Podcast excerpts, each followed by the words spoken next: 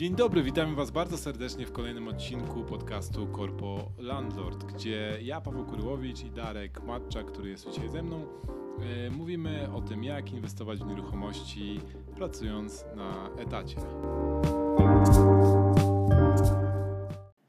I dzisiejszy temat dzisiejszego podcastu e, będzie o wynajmowaniu mieszkań na pokoje. To będzie taki główny temat, któremu się dzisiaj przyjrzymy. I jest z nami osoba, która jest specjalistą w tym temacie albo specjalistką. Dziękuję, że podkreśliłeś. Dokładnie. E, Paulina, e, przedstaw się serdecznie, proszę. Cześć, e, nazywam się Paulina Majewska-Goździk i jestem reprezentantką firmy i założycielką pokoje69.pl. Nie bez powodu panowie uśmiechają się pod nosem z lekkim zaczerwienieniem ja i niepokoją się skąd wzięła się tak kontrowersyjna nazwa naszej działalności, ale mam nadzieję, że mnie dzisiaj o to zapytają. Zapytamy, zapytamy. Dziękuję. Tak, jest plan.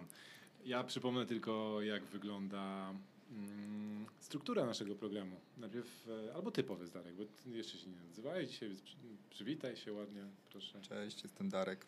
Dobra, e, zaczniemy od rozmowy e, na temat e, czemu pokoje 69, bo to mnie bardzo interesuje. Później powiemy o e, jednej rzeczy, która wpłynęła na nasz biznes lub na nasze życie. To może być książka, kurs, podcast, cokolwiek. I pytania od słuchaczy. Więc te trzy części dzisiaj omówimy sobie. To zaczynamy. Zaczynamy, dokładnie.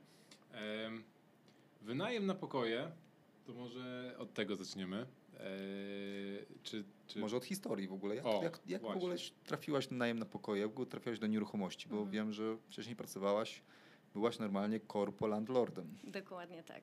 Mhm, okay. Opowiedz. Słuchajcie, kariera każdego z osób, które, które pracują w nieruchomościach zaczyna się inaczej. To jest historia zbiegu różnych rzeczy. U mnie dokładnie wyglądało to tak, że Wraz z mężem, czy wtedy narzeczonym, wpadliśmy na pomysł zakupu pierwszego mieszkania w trybie wynajmu na pokoje. I tak dokładnie rozpoczęliśmy wynajmowanie i zobaczyliśmy, że schemat działa, że faktycznie te pieniądze. to było roku, przepraszam?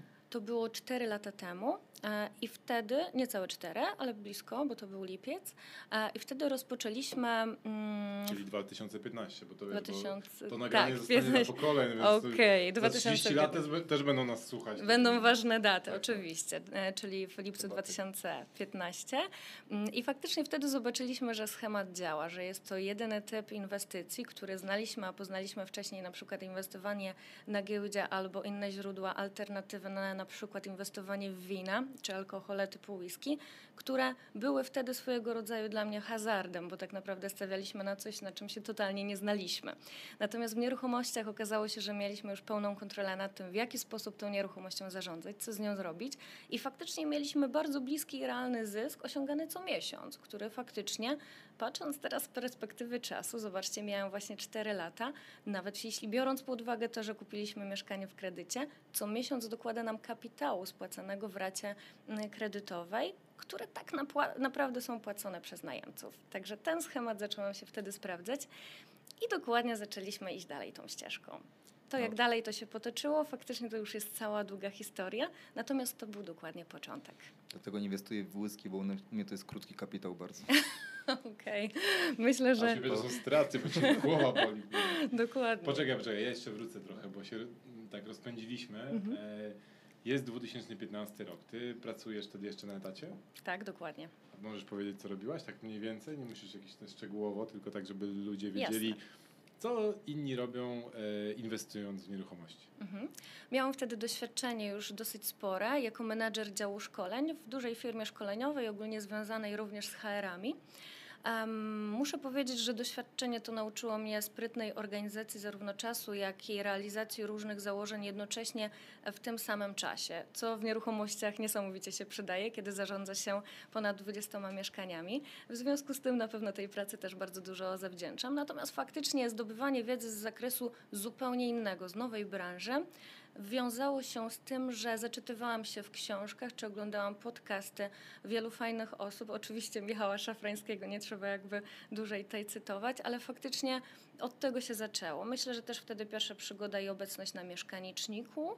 Um, No a później dalej już w kolejności szkolenie u Piotra Hryniewicza z wynajmu na pokoje, e, także dokładnie w tym kierunku wtedy poszliśmy. Ale jak zaczęłaś i kupiłaś pierwsze mieszkanie, miałaś jakąś wiedzę, czy po prostu do wniosku, że giełda, no nie, wina i whisky, no nie? Mhm. Chociaż nie wiem, whisky i wino tak mi się kojarzy. Muszę pomyśleć o Cały tym, czy czas nie jesteś sprzedać mieszkań, zainteresowany, tak, jasne. i zająć się tym. E, I kupiliście sami po prostu mieszkanie, czy najpierw poszliście na szkolenie i mieszkanie były później? Jak to? Darek, należy do typu osób, które lubią ryzykować, aczkolwiek nie jestem samobójcą. I naprawdę nie radzę tego kroku wykonywania pod kątem kupowania nieruchomości osobom, które naprawdę nie mają o tym pojęcia albo nie są zainteresowane choćby tym, żeby sprawdzić numerek księgi wieczystej. Nie ma takiej możliwości, aby kupić dobrą inwestycję na rynku, nie mówiąc już o tym, że kupujemy też czasem na cele prywatne, tak? ale dobrej inwestycji, jeśli się nie posiada wiedzy w tym temacie. Bo zakup nieruchomości oczywiście jest elementem procesu, który wpływa później na rentowność czy po prostu zadowolenie z poziomu inwestowania. Natomiast nie zmienia to faktu, że tak naprawdę wynik tworzy to, co później się dzieje, więc musimy wiedzieć, znać zagrożenia, musimy wiedzieć o tym, jak dokładnie wykorzystać tą nieruchomość, na co mówi, co pozwala nam prawo, a czego nam nie pozwala i jakie są możliwości techniczne lokalu. Także to na pewno musimy wiedzieć.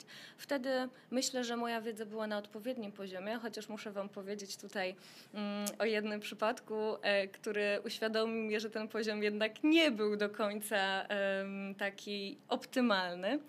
A mianowicie to, jak kupowaliśmy drugie mieszkanie i podczas rozmowy mm, z pośrednikiem nieruchomości okazało się już w końcowej fazie negocjacji, że mm, oczywiście mieszkanie jest w pełnej własności, natomiast należy płacić co roku użytkowanie wieczyste w wysokości tam 560 e, zł.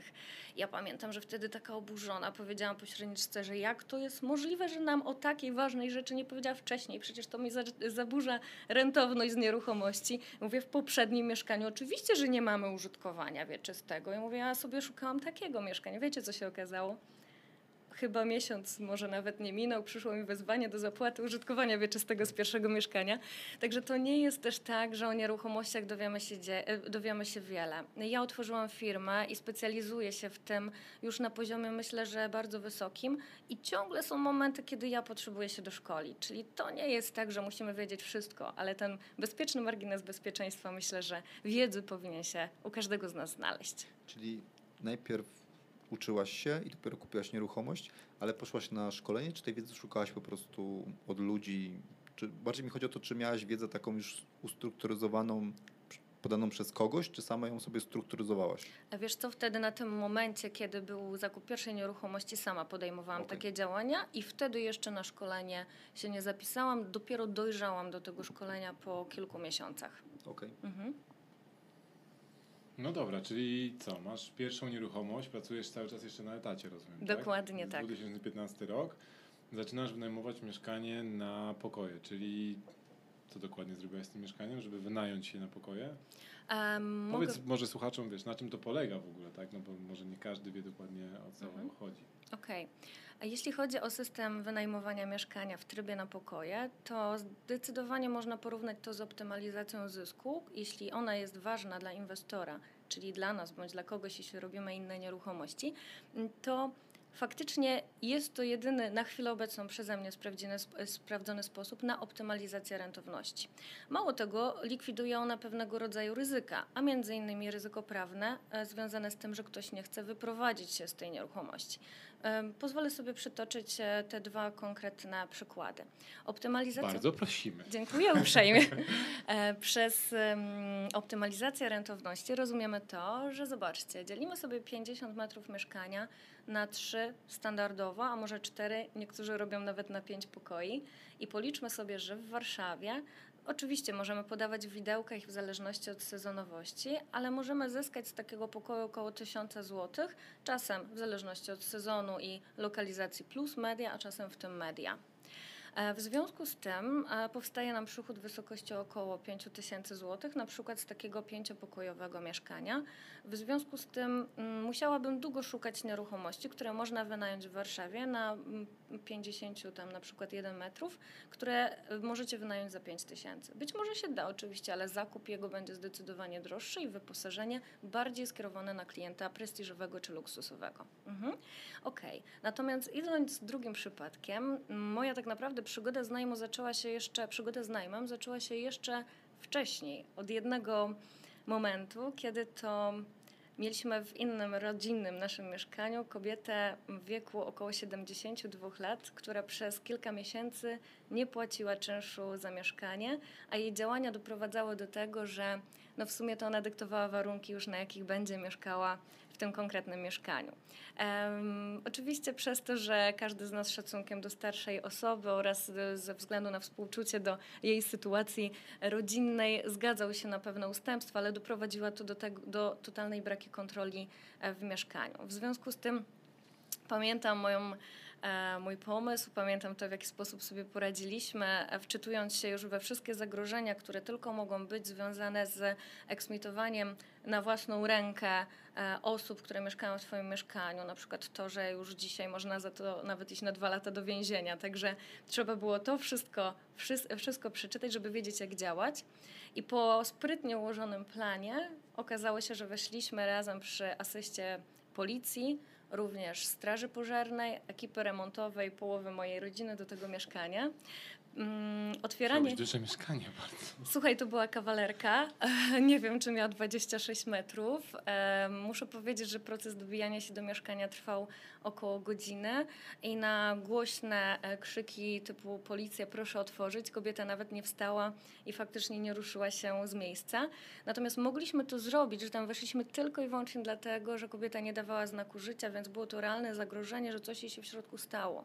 Gdyby odezwała się i powiedziała, przepraszam bardzo, ja sobie nie życzę Państwa w tym lokalu, to my jako właściciele nieruchomości mielibyśmy wtedy związane ręce. W związku z tym zobaczcie to realne zagrożenie, że traci się kontrolę nad własnym mieszkaniem przy, obecnym sytua- przy obecnej sytuacji i stanie prawnym może powodować pewnego rodzaju obawę, że wiecie, fajnie kupiliśmy nieruchomość, wynajęliśmy ją nawet w fajnych pieniądzach, ale co w momencie, kiedy ktoś przestaje płacić? Mhm. No właśnie. E, tutaj już może dalej nie będę kontynuowała tego tematu. E, powiem tylko tyle, że faktycznie to spowodowało moją chęć poszukiwania innych rozwiązań i stąd pomysł podziału na pokoje i wynajmowania pokoju w mieszkaniu. Co się dzieje, kiedy wynajmujemy my jako właściciele pokój w mieszkaniu? Okazuje się, że dalej mamy dostęp do części wspólnych. Część wspólna, czyli na przykład korytarz, kuchnia, czyli łazienka, do której zawsze mamy ten dostęp. Faktycznie już ograniczony do pokoju. Mhm. W związku z tym nie dochodzi do takiej sytuacji. Tutaj pojawia nam się również też inny typ klienta. Jest to osoba młoda, pracująca, na przykład do około 30 roku życia. Myślę, panowie, że już nie spełniacie tych kryteriów, ale jeśli chcielibyście. Jak to? Jeśli chcielibyście wynająć coś, to zapraszamy. Może poszukamy coś w trochę innym standardzie. Gorszy.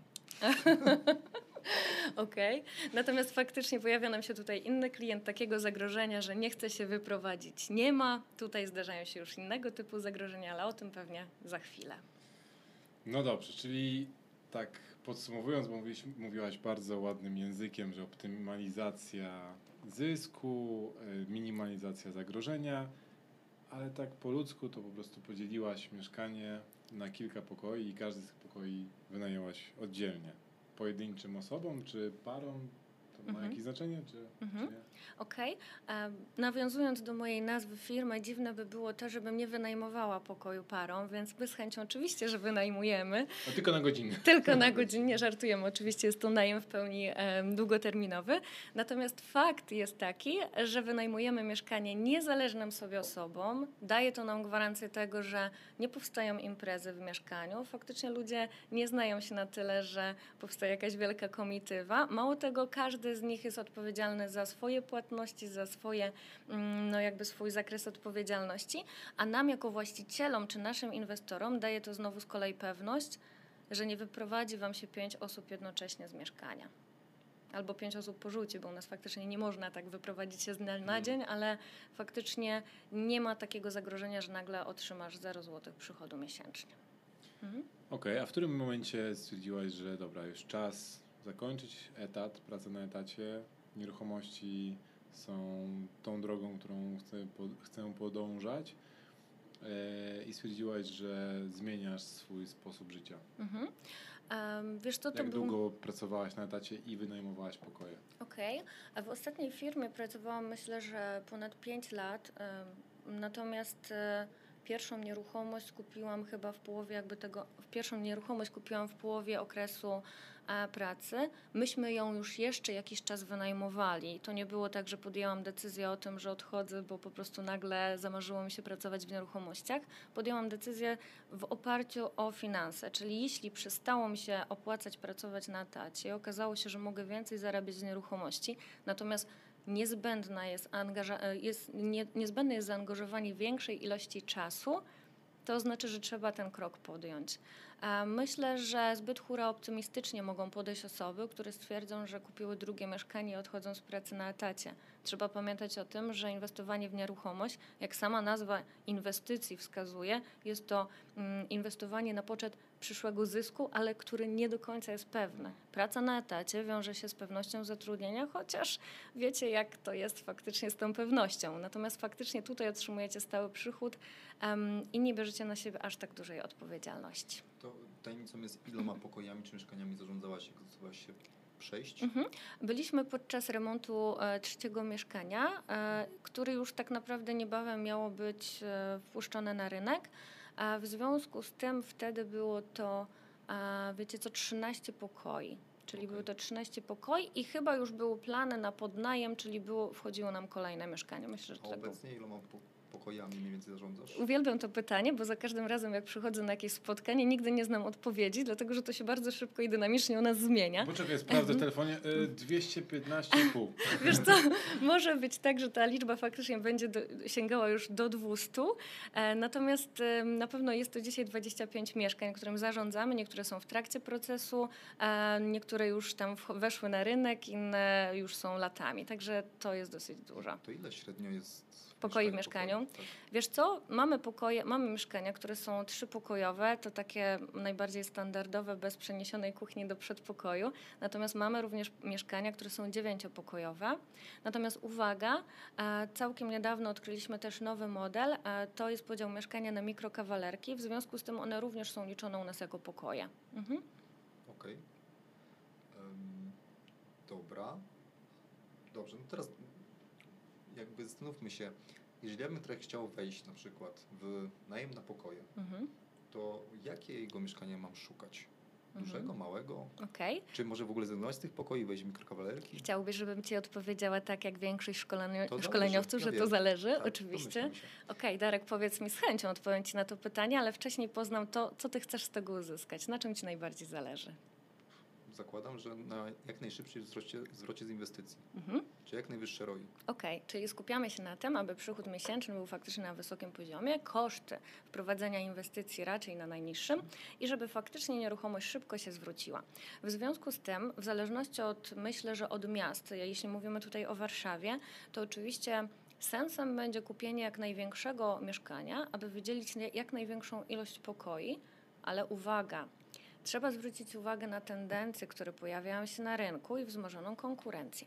Od jakiegoś czasu obserwujemy, że pojawiło się dużo nowych pokoi na rynku, dużo nowych mieszkań, w związku z tym Twoje pokoje powinny się czymś wyróżniać. Wiecie, jakie jest pytanie tego sezonu, jak najemcy dzwonią do nas, poszukują mieszkania? No cześć, tam jestem zainteresowany. Tak? Ile jest łazienek? Ile jest pokoi w mieszkaniu? A, okej. Rozumiecie? Ja Nie... myślałem, że o co chodzi z tym 6,9. Aha, A widzisz, to- cały poczekaj, czas... bo nie spytaliśmy się o to. Kurde, Poczekaj, no, zaraz. to, to, my nie możemy odpowiedzieć na najciekawsze pytanie na samym początku podcastu, bo ludzie przestaną słuchać dalszy podcast. No. Ja widzę, że panów naprawdę na maksa zainteresował ten temat. Ja postaram się o nim... Zostańcie z nami, będziecie wiedzieć o co chodzi w pokojach 6-9 i dlaczego są tak wyjątkowe, że Paulina, e, Paulinie udało się w ciągu 4 lat stworzyć imperium pokojowe w Warszawie. Bardzo Wam dziękuję. Słuchajcie, mam nadzieję, że odpowiem na to pytanie, ale na samym końcu. Okej. Mm, Darek, okej, czyli w takim razie, jeśli nie jest to pytanie, ile pokoi jest, ile em, łazienek jest w mieszkaniu, a ile pokoi, to znaczy, że rynek już zaczął widzieć to, że inwestorzy sprytnie dzielą sobie mieszkania na pokoje. A jeśli tak, to znaczy, że najemcy poszukują innych rozwiązań. Wiecie, dlaczego najemcy wyprowadzają się z mieszkań? Najczęstszy powód, dlaczego ludzie, czyli nasi docelowi klienci, nasi szefowie, bo to trzeba pamiętać, że dla nich budujemy całe imperium e, pokojowe. Czyli dlaczego ktoś wyprowadza się z mieszkania? Nie spełnia jego oczekiwań w jakiś sposób. Jasne, czyli jakich? Mm, Skup się, Darek, skup. No myślę, poczekaj, ja tak wyglądam, jest piątek, jest, która jest... Wiesz, Słuchaj, Darek- dostaniesz nagrodę, Darek Darku. ma ten problem, że u niego w mieszkaniach ludzie mieszkają po 3 lata i on sam musi ich prosić, żeby już Żeby się ogarnęli. wyprowadzili. Tak, tak, tak. Okej. Ale śmiejesz się, miałem mieć dwie, dwie zmiany w czerwcu i wszystkie przedłużyły. Ale ja się wcale nie śmieję, bo wiesz, no bo to jest kompletnie inny model, tak? To, co ty robisz, czyli wynajmujesz całe mieszkania młodym parom, które sobie tam żyją i próbują w pewnym momencie przejść na swoje, a co innego robi Paulina, gdzie zapewnia e, nie wiem, myślę, że nie będzie Mhm. jakimkolwiek, jakąkolwiek obrazą, jeżeli powiem, że zapewniasz możliwość mieszkania osobom o naj, najmniejszym jakby dostępnym budżecie, Mhm, prawda? No bo mhm. trudno sobie wyobrazić tańsze mieszkanie, znaczy nie mówię o tym, że to jest na- wiesz, kwotowo najtańsze, tak? Tylko jeżeli mam do przeznaczenia jakiś tam budżet i mogę sobie wybrać, co jest dostępne na rynku, załóżmy mam te 1000 zł, tak? No to e, te 1000 zł miesięcznie na, na, na mieszkanie, 1500 nawet. Tak. No to mogę albo e, zamieszkać w jakiejś bardzo e, daleko odleg- położonej kawalerce od centrum miasta, która najprawdopodobniej jest w bardzo kiepskim stanie, albo mogę wynająć bardzo fajny pokój w mieszkaniu trzypokojowym, gdzie dzielę ten, ten pokój z kilkoma osobami i przy okazji mam jeszcze z kim porozmawiać.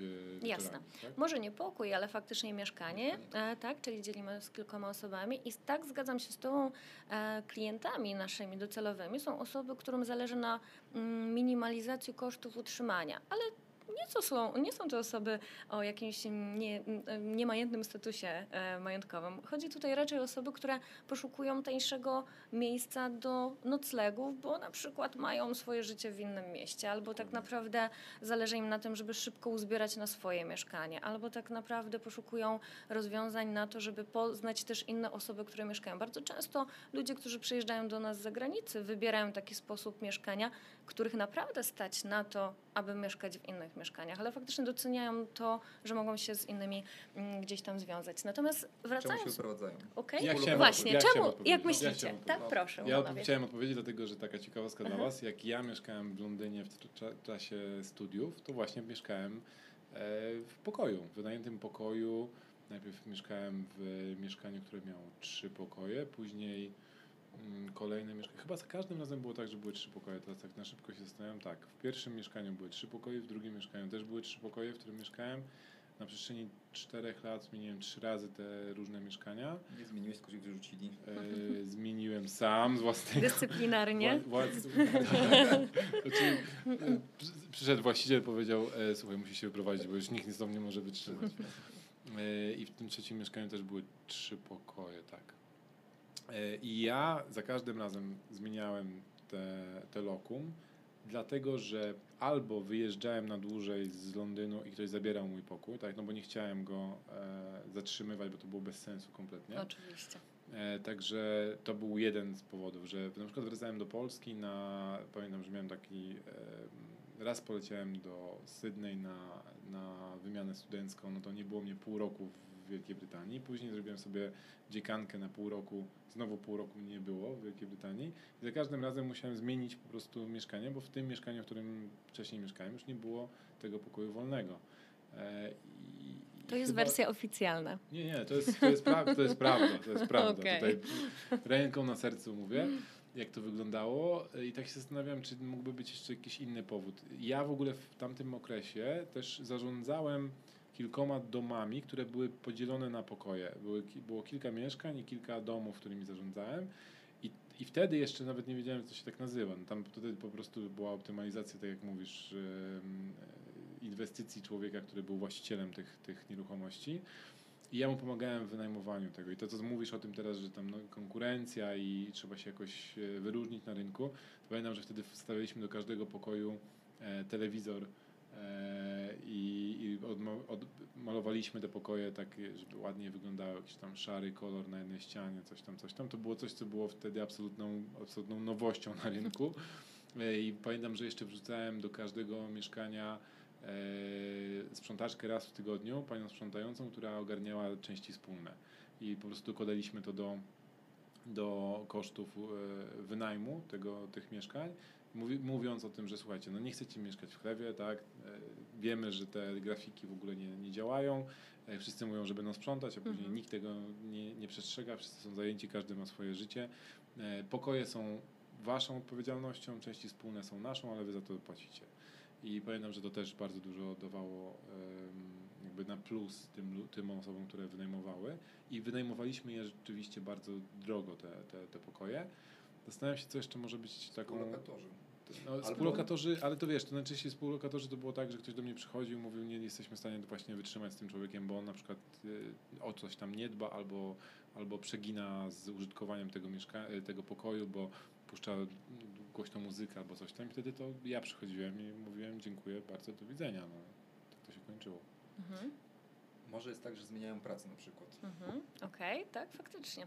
Słuchajcie, panowie, wy, wyargumentowaliście wszystkie rzeczy, które są najważniejsze, czyli to są główne powody, dla których najemcy zmieniają swoje mieszkanie, czyli no jednak opuszczają waszą inwestycję. Czyli co, piąteczka? Słuchajcie, szósteczka, szósteczka albo może dziewiąteczka, także jak sobie połączycie, wyjdzie już nam fajna liczba.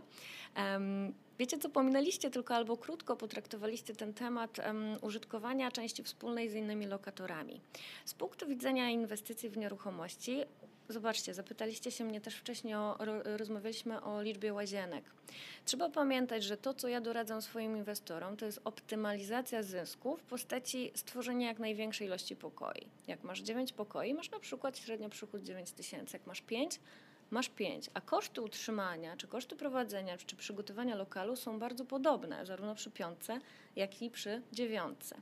Tylko co się okazuje? Okazuje się, że ludzie zaczynają mieszkać ze sobą na części wspólnej, na przykład z dziewięcioma innymi osobami i uwierzcie mi, to nie jest tak, że każdy z nas jest zupą pomidorową i po prostu wszyscy się kochają i zaczynają się lubić. Okazuje się, że komuś przeszkadza to, że ktoś nie zmył piekarnika, a komuś to, że ktoś nie posprzątał po sobie łazienki.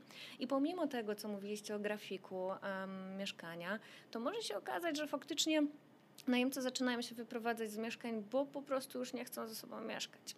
Czyli zobaczcie, co nam powstaje. Inwestor chce jak największego zysku, czyli chce mieć 9 pokoi w mieszkaniu, a najemca chce jak najmniejszego e, mieszkania, żeby mieć maksymalnie 3.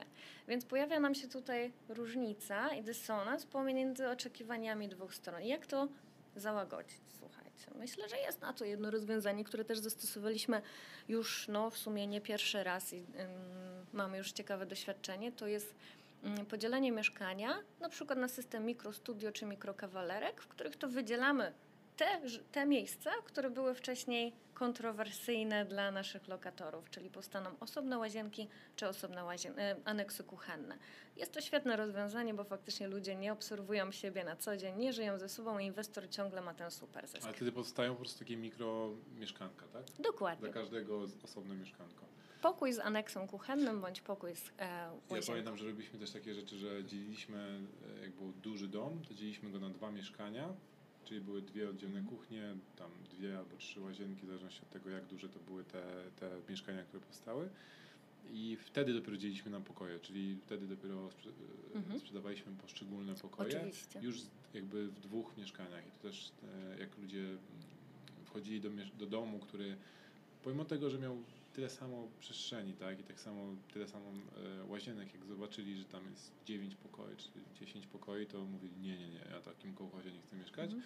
A jak było to podzielone na dwa oddzielne mieszkania, no to było kompletnie inne podejście. Świetnie. Też druga opcja była taka, że robiliśmy tak zwane bed city, czyli, czyli łazienka przy każdym pokoju, em, a kuchnia wspólna. Mhm, dokładnie. A powiedz mi, jaka jest średnia mniej więcej przyjmuje się rotacji tych osób? Ja dziś słyszałem 9 Mhm. miesięcy. Że przy Mhm. pokojach to 9 miesięcy to jest taka średnia rotacja, którą można założyć. Świetne pytanie. Darek, Pauliny 69. U mnie jest 69. Odpowiem Ci na to w ten sposób. Wiecie skąd się bierze 9 miesięcy? Bo wtedy zaczynają się wakacje.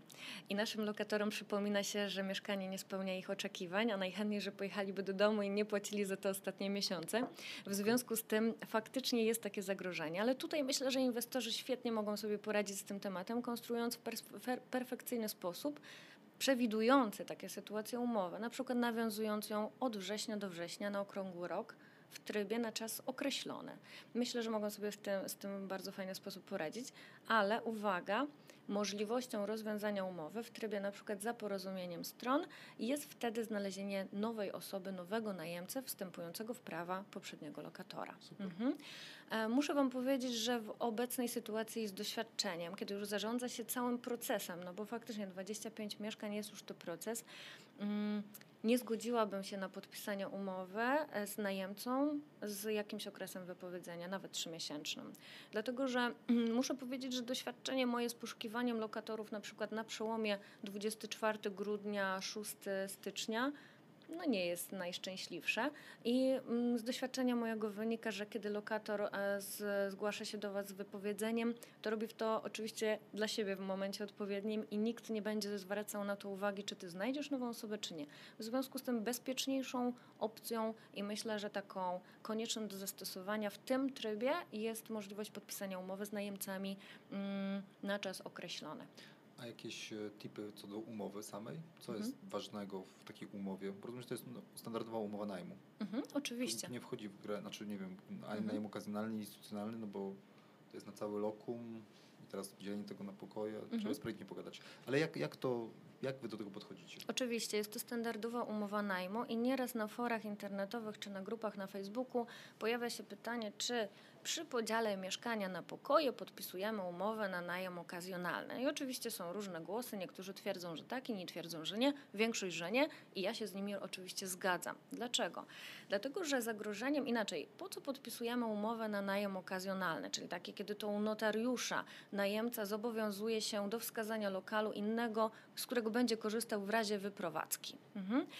Naszym zagrożeniem nie jest najemca, który nie chce się wyprowadzić z mieszkania. Naszym zagrożeniem w tym trybie są, są raczej osoby, które zbyt szybko chcą się z niego wyprowadzić, czyli dochodzi do tak, zwanego, tak zwanego porzucenia mieszkania. W związku z tym umowa instytucjonalne czy umowa na czas, e, właśnie umowa mm, u notariusza jest tutaj bez sensu. To wiąże się z kosztami. Mało tego, musi ten schemat i proces działać szybko, schemat rekrutacji i wynajmu, żebyście mieli z tego zysk. Faktycznie umawianie się u notariusza na za tydzień na podpisanie umowy na pokój uważam, że jest zupełnie niepotrzebny. Przerost formy nad treścią w tym przypadku, aczkolwiek nie wynajęłabym mieszkania w całości bez podpisania tej umowy u notariusza.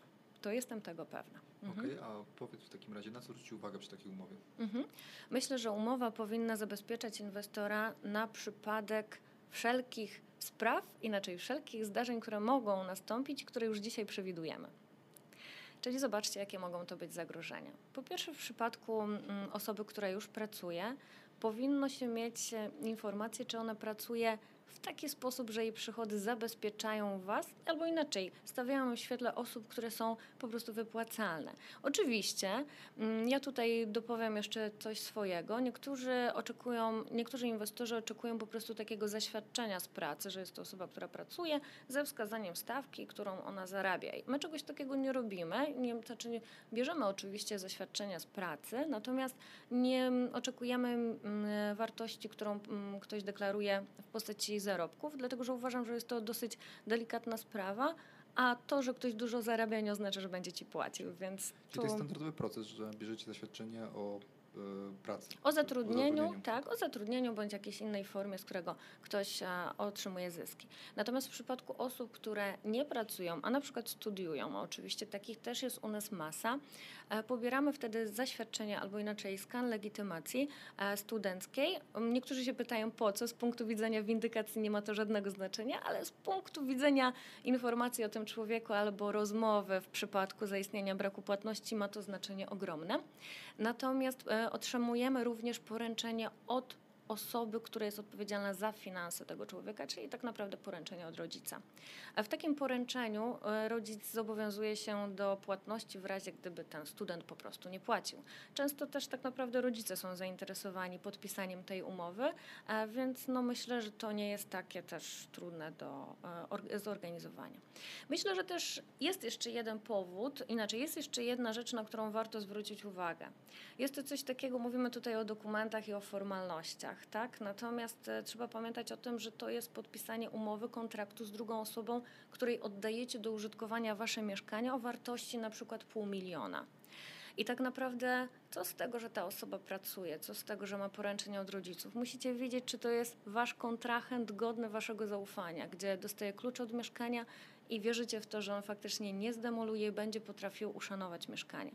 Oczywiście zabezpieczamy się również w postaci czegoś takiego jak ocena najemcy, do którego też zachęcam wszystkich inwestorów, aby tego wymagali. Nie wiem, wiecie co to jest? Słyszeliście o tym? Ocena? Okej. Okay. A więc dzięki temu ubezpieczeniu też właściciel mieszkania. Ale powiedz, powiedz, bo nie mówiliśmy o tym jeszcze. Okej. Okay. To jest ubezpieczenie, które wykupuje już każdy najemca indywidualnie i naszą zasadą jest to, że nie oddajemy kluczy do mieszkania, albo jeśli oddajemy, to w umowie zobowiązujemy tą osobę do przekazania nam polisy ubezpieczeniowej, która tak naprawdę, słuchajcie, najemca kosztuje dokładnie 39 zł, a zabezpiecza Was na tyle, że gdyby najemca, nie wiem, zbił lodówkę, płytę indukcyjną, to nie pociągacie tego z kaucji. Zobaczcie, to jest ochrona kaucji najemcy tak naprawdę, więc to jest w mhm. jego interesie zadbanie o to, żeby, żeby mógł skorzystać z możliwości wypłacenia odszkodowania przez ubezpieczalnię. Tylko oczywiście trzeba sprawę odpowiednio od, opisać do ubezpieczenia. Okej, okay. rozumiem, że części wspólne to są opisane w takiej umowie bardzo dokładnie. To mhm. jest umowa na każdy pokój osobno podpisywana. Mhm, oczywiście. E, I część wspólne są tam jakoś zabezpieczone, żeby każdy mógł z nich korzystać. I tylko jeszcze jedno pytanie mam, to jest związane trochę z umową, o jak wygląda sam proces rekrutacyjny? To znaczy, mhm. Mm, nie wiem, ktoś ci się wyprowadza i rozumiem, że to jest duże zainteresowanie, przychodzą ludzie i ty tam sprawdzasz oczywiście, prosisz o te zaświadczenia, tak? I wybierasz jednego na podstawie czego? Słuchaj, wybieram takiego, którego chciałabym mieć za męża. Jeśli się nadaje, to wtedy. Paweł, odpadamy. Przepraszam, nie panowie. Ma, nie ma szans. Jeśli jest idealny. Jeszcze, jeszcze zobacz połowa społeczeństwa. no bo Chyba, chyba, że żona też wchodzi w grę. Ale... Oczywiście, że tak, oczywiście. Słuchajcie, my się śmiejemy z tego. Słuchajcie, weryfikujecie najemców, a do weryfikacji, tak jak przeprowadzacie rozmowy kwalifikacyjne, potrzebujecie chwili, aby ocenić to, czy ta osoba się e, do Was no, w jakiś sposób nadaje, czy ona jest osobą, która no, jest rzetelna, kompetentna. Natomiast z drugiej strony, z naszego punktu widzenia, nie sprawdzamy może już kompetencji najemcy, natomiast sprawdzamy po prostu jego wiarygodność. Najczęściej odbywa się to tak, że najemcy zgłaszają się na oglądanie, na prezentację konkretnego mieszkania, a po decyzji z jego strony, ja tutaj też myślę, że posłużę się dobrą radą e, cioci Paulinki i powiem, że w tym momencie można już pobrać zadatek na poczet przyszłej kaucji, jeśli ktoś zdeklarował się już, e, że chce zdecydować na pokój. Dzięki temu wy podtrzymujecie decyzję tego najemcy o tym, że on chce u Was mieszkać, natomiast w praktyce dajecie sobie jeszcze trochę czasu na to, żeby dopiąć wszelkie formalności. Zdarzały się przypadki, kiedy to najemca zdecydował się na mieszkanie, a my oczywiście tego najemcę odrzuciliśmy, bo nie spełniał naszych kryteriów, bo tutaj nie chcieliśmy ponosić jakiegoś ryzyka, że faktycznie zamieszka ktoś nieodpowiedni. A części wspólne sprzątają najemcy, czy masz mhm. firmę do tego? Za każdym razem, w każdym mieszkaniu jest indywidualny grafik sprzątania i tutaj uwaga, ja wiem, że część z nas jest nastawiona negatywnie do tych grafików, ale tak naprawdę z punktu widzenia wyegzekwowania czystości jest to jedyny dokument formalny, na podstawie którego jesteś w stanie przydzielić takiej osobie karę za utrzymywanie nieporządku bądź wezwać osobę sprzątającą na mm, koszt najemców. Tutaj takie zaskoczenie. Tak jak Paweł, ty powiedziałeś wcześniej, dawałeś już jakieś usługi sprzątania kilka lat temu do a, części wspólnych. My też to dajemy. Na przykład wśród naszych inwestorów, no bo prowadząc firmę związaną z zarządzaniem nieruchomościami, mamy osoby, która przychodzi nam i sprząta konkretne lokale, ale uwaga, jest to na przykład raz na miesiąc, no bo patrząc na taką ilość, to mniej więcej tak wychodzi. Mm, natomiast to nie zobowiązuje, nie, nie, mm, nie likwiduje obowiązku dbania o części wspólne na co dzień. Hmm. E, uwierzcie mi, pada masę pytań, czy na przykład wprowadzenie takiej sprzątaczki do mieszkania e, nie powoduje e, rozluźnienia się jeszcze i tak rozproszonej odpowiedzialności za części wspólne. Muszę powiedzieć, że my ze sprzątaczką mamy ustalone to, że po prostu ona dopieszcza te rzeczy, których najemcy nie widzą, czyli na przykład dba o listwy, o baterie prysznicowe, dba o elementy stałego wyposażenia, których najemcy po prostu nie widzą, że one są brudne, na przykład filtry od pralki i tak dalej. Także do tego służy nam tutaj pomoc osoby sprzątającej. Mhm. Wrócę jeszcze na chwilę do tego procesu mm, inwestycyjnego samego, bo to chyba najbardziej y, w tym momencie interesuje naszych słuchaczy.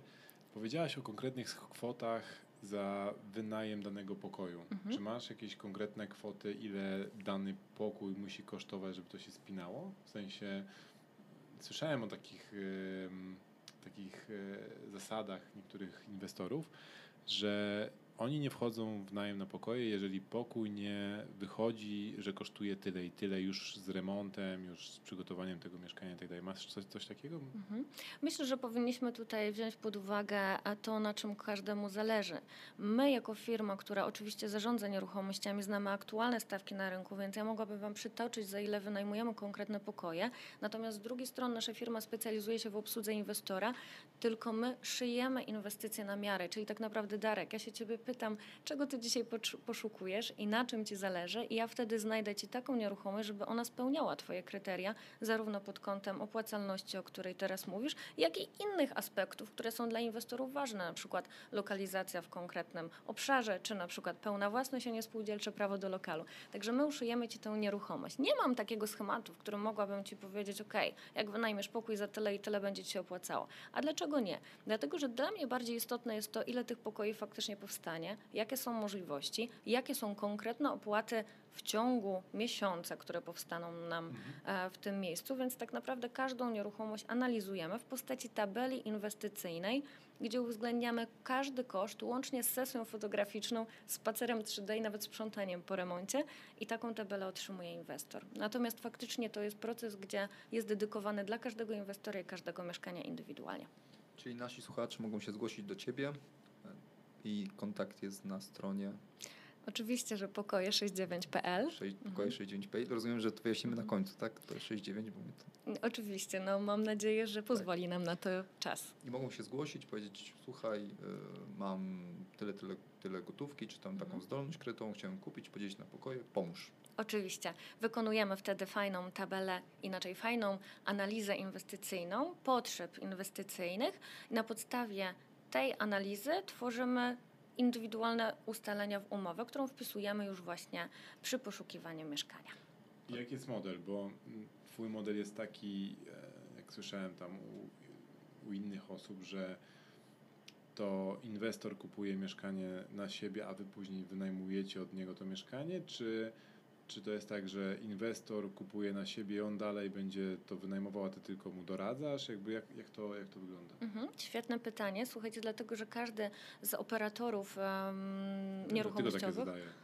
Paweł, dziękuję Ci naprawdę. Raz- To raz przyjemność. Roku strzeli, Paweł. To przyjemność, Pawle, że takie zadajesz. Okay. Ja cię zapraszałem dzisiaj tutaj na. Nie, ja Darek dostał ode mnie No, zaproszenie. widzisz, Można? Tak. To może ja pójdę sobie. Nie, panowie, zostańcie, bo 6-9 nie wyjdzie. A, no. Mhm, Okej.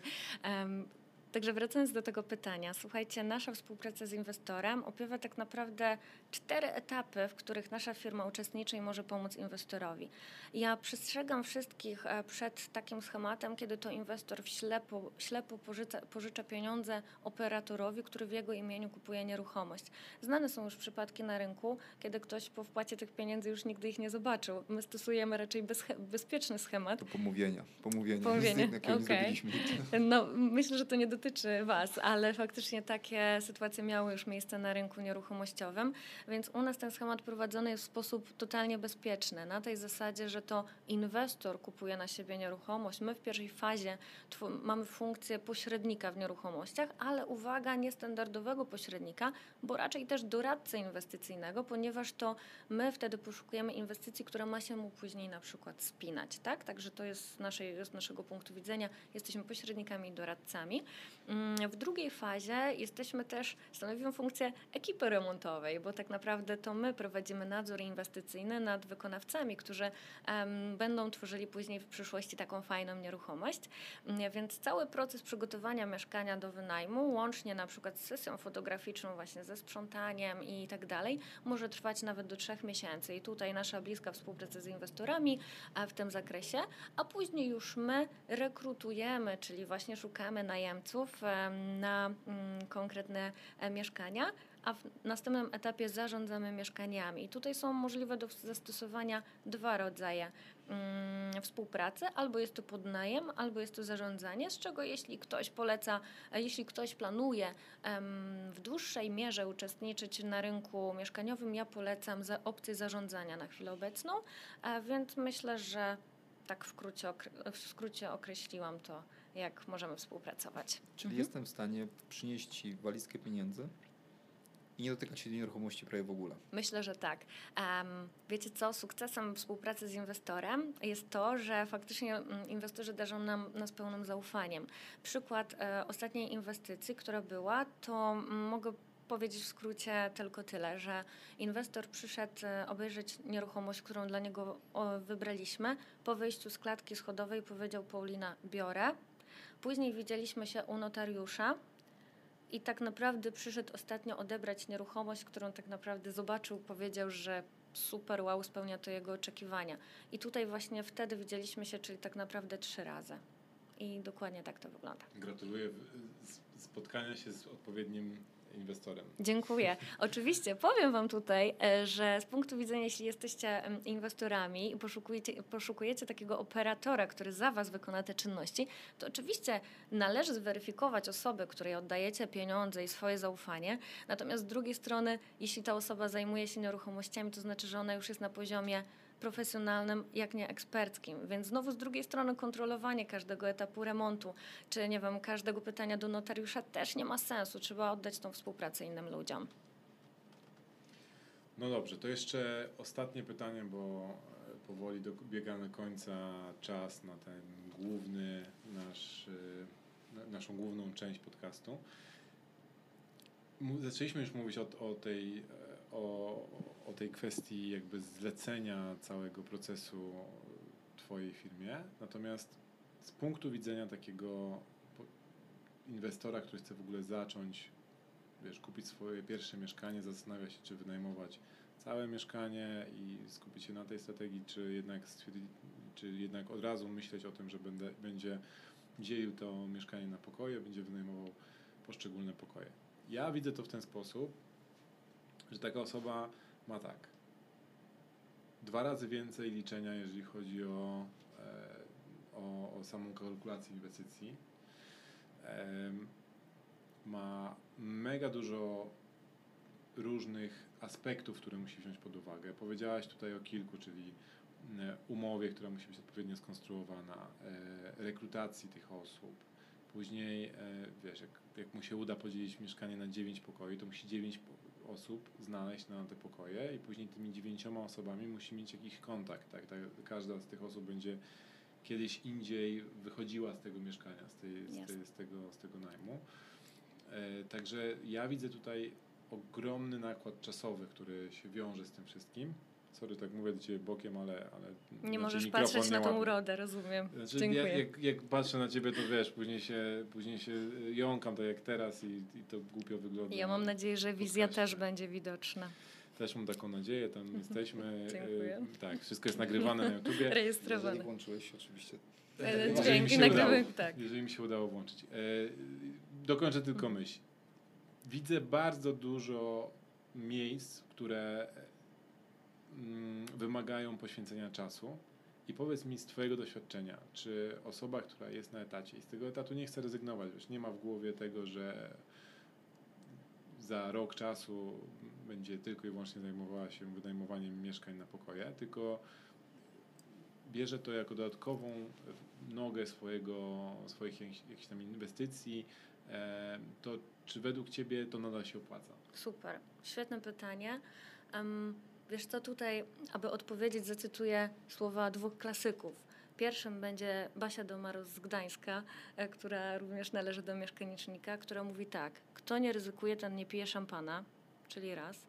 A drugim klasykiem będzie Michał Szafrański, który to mówi, że jeśli opłaca się kom, tobie oddelegować pracę innym osobom i ty potrafisz w tym momencie zarobić więcej, to się po prostu na tym skup.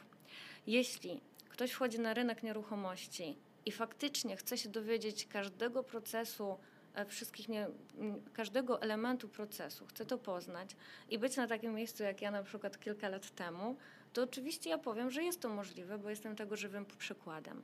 Natomiast to ilość błędów, którą można popełnić przy tym, może być może spowodować to, że ta inwestycja nie będzie na tyle wcale taka fajna, gdybyście ją oddali komuś innemu.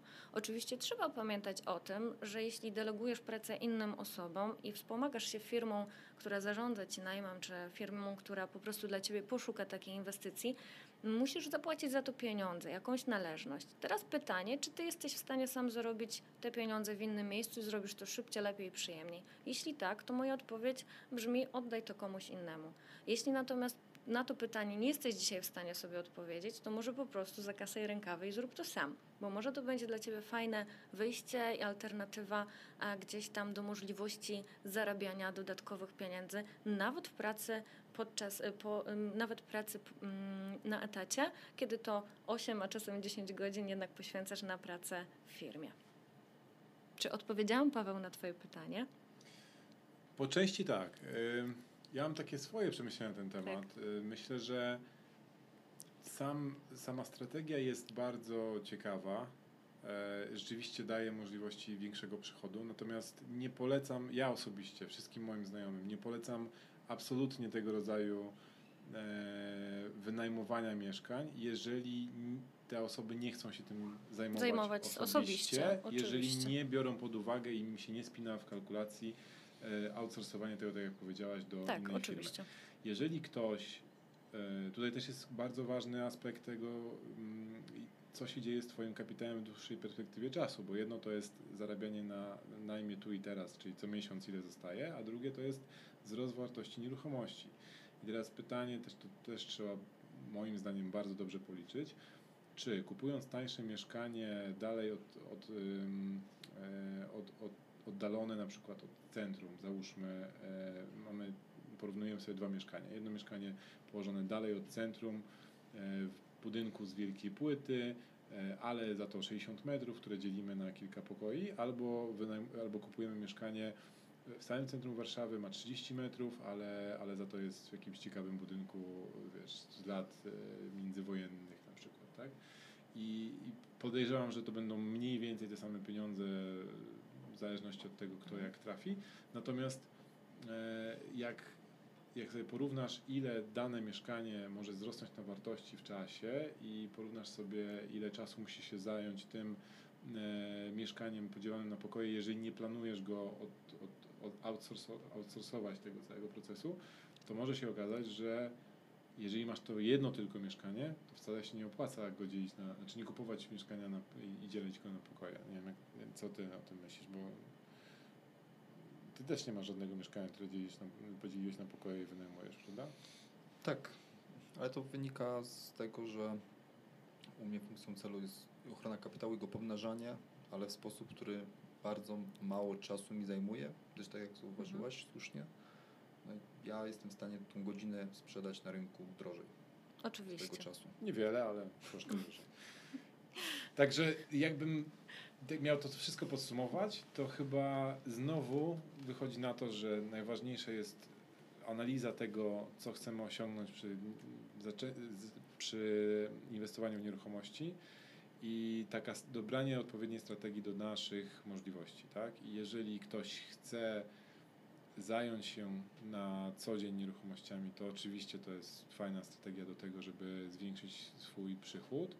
E, jeżeli ktoś nie ma czasu na zajmowanie się nieruchomościami, to pewnie lepiej to outsourcować do firmy takiej jak ma Paulina albo albo po prostu w to nie wchodzić. To mhm. jest takie moje przemyślenie. Oczywiście, Paweł, zgadzam się w 100%. Dostaniesz ode mnie dzisiaj szóstkę, bo Darek już dostał dziewiątkę. 100% e, Aha. zgadza się. No, Coś mi zaczyna to śmierdzieć, wiesz, dlaczego tylko my jesteśmy w tym układzie.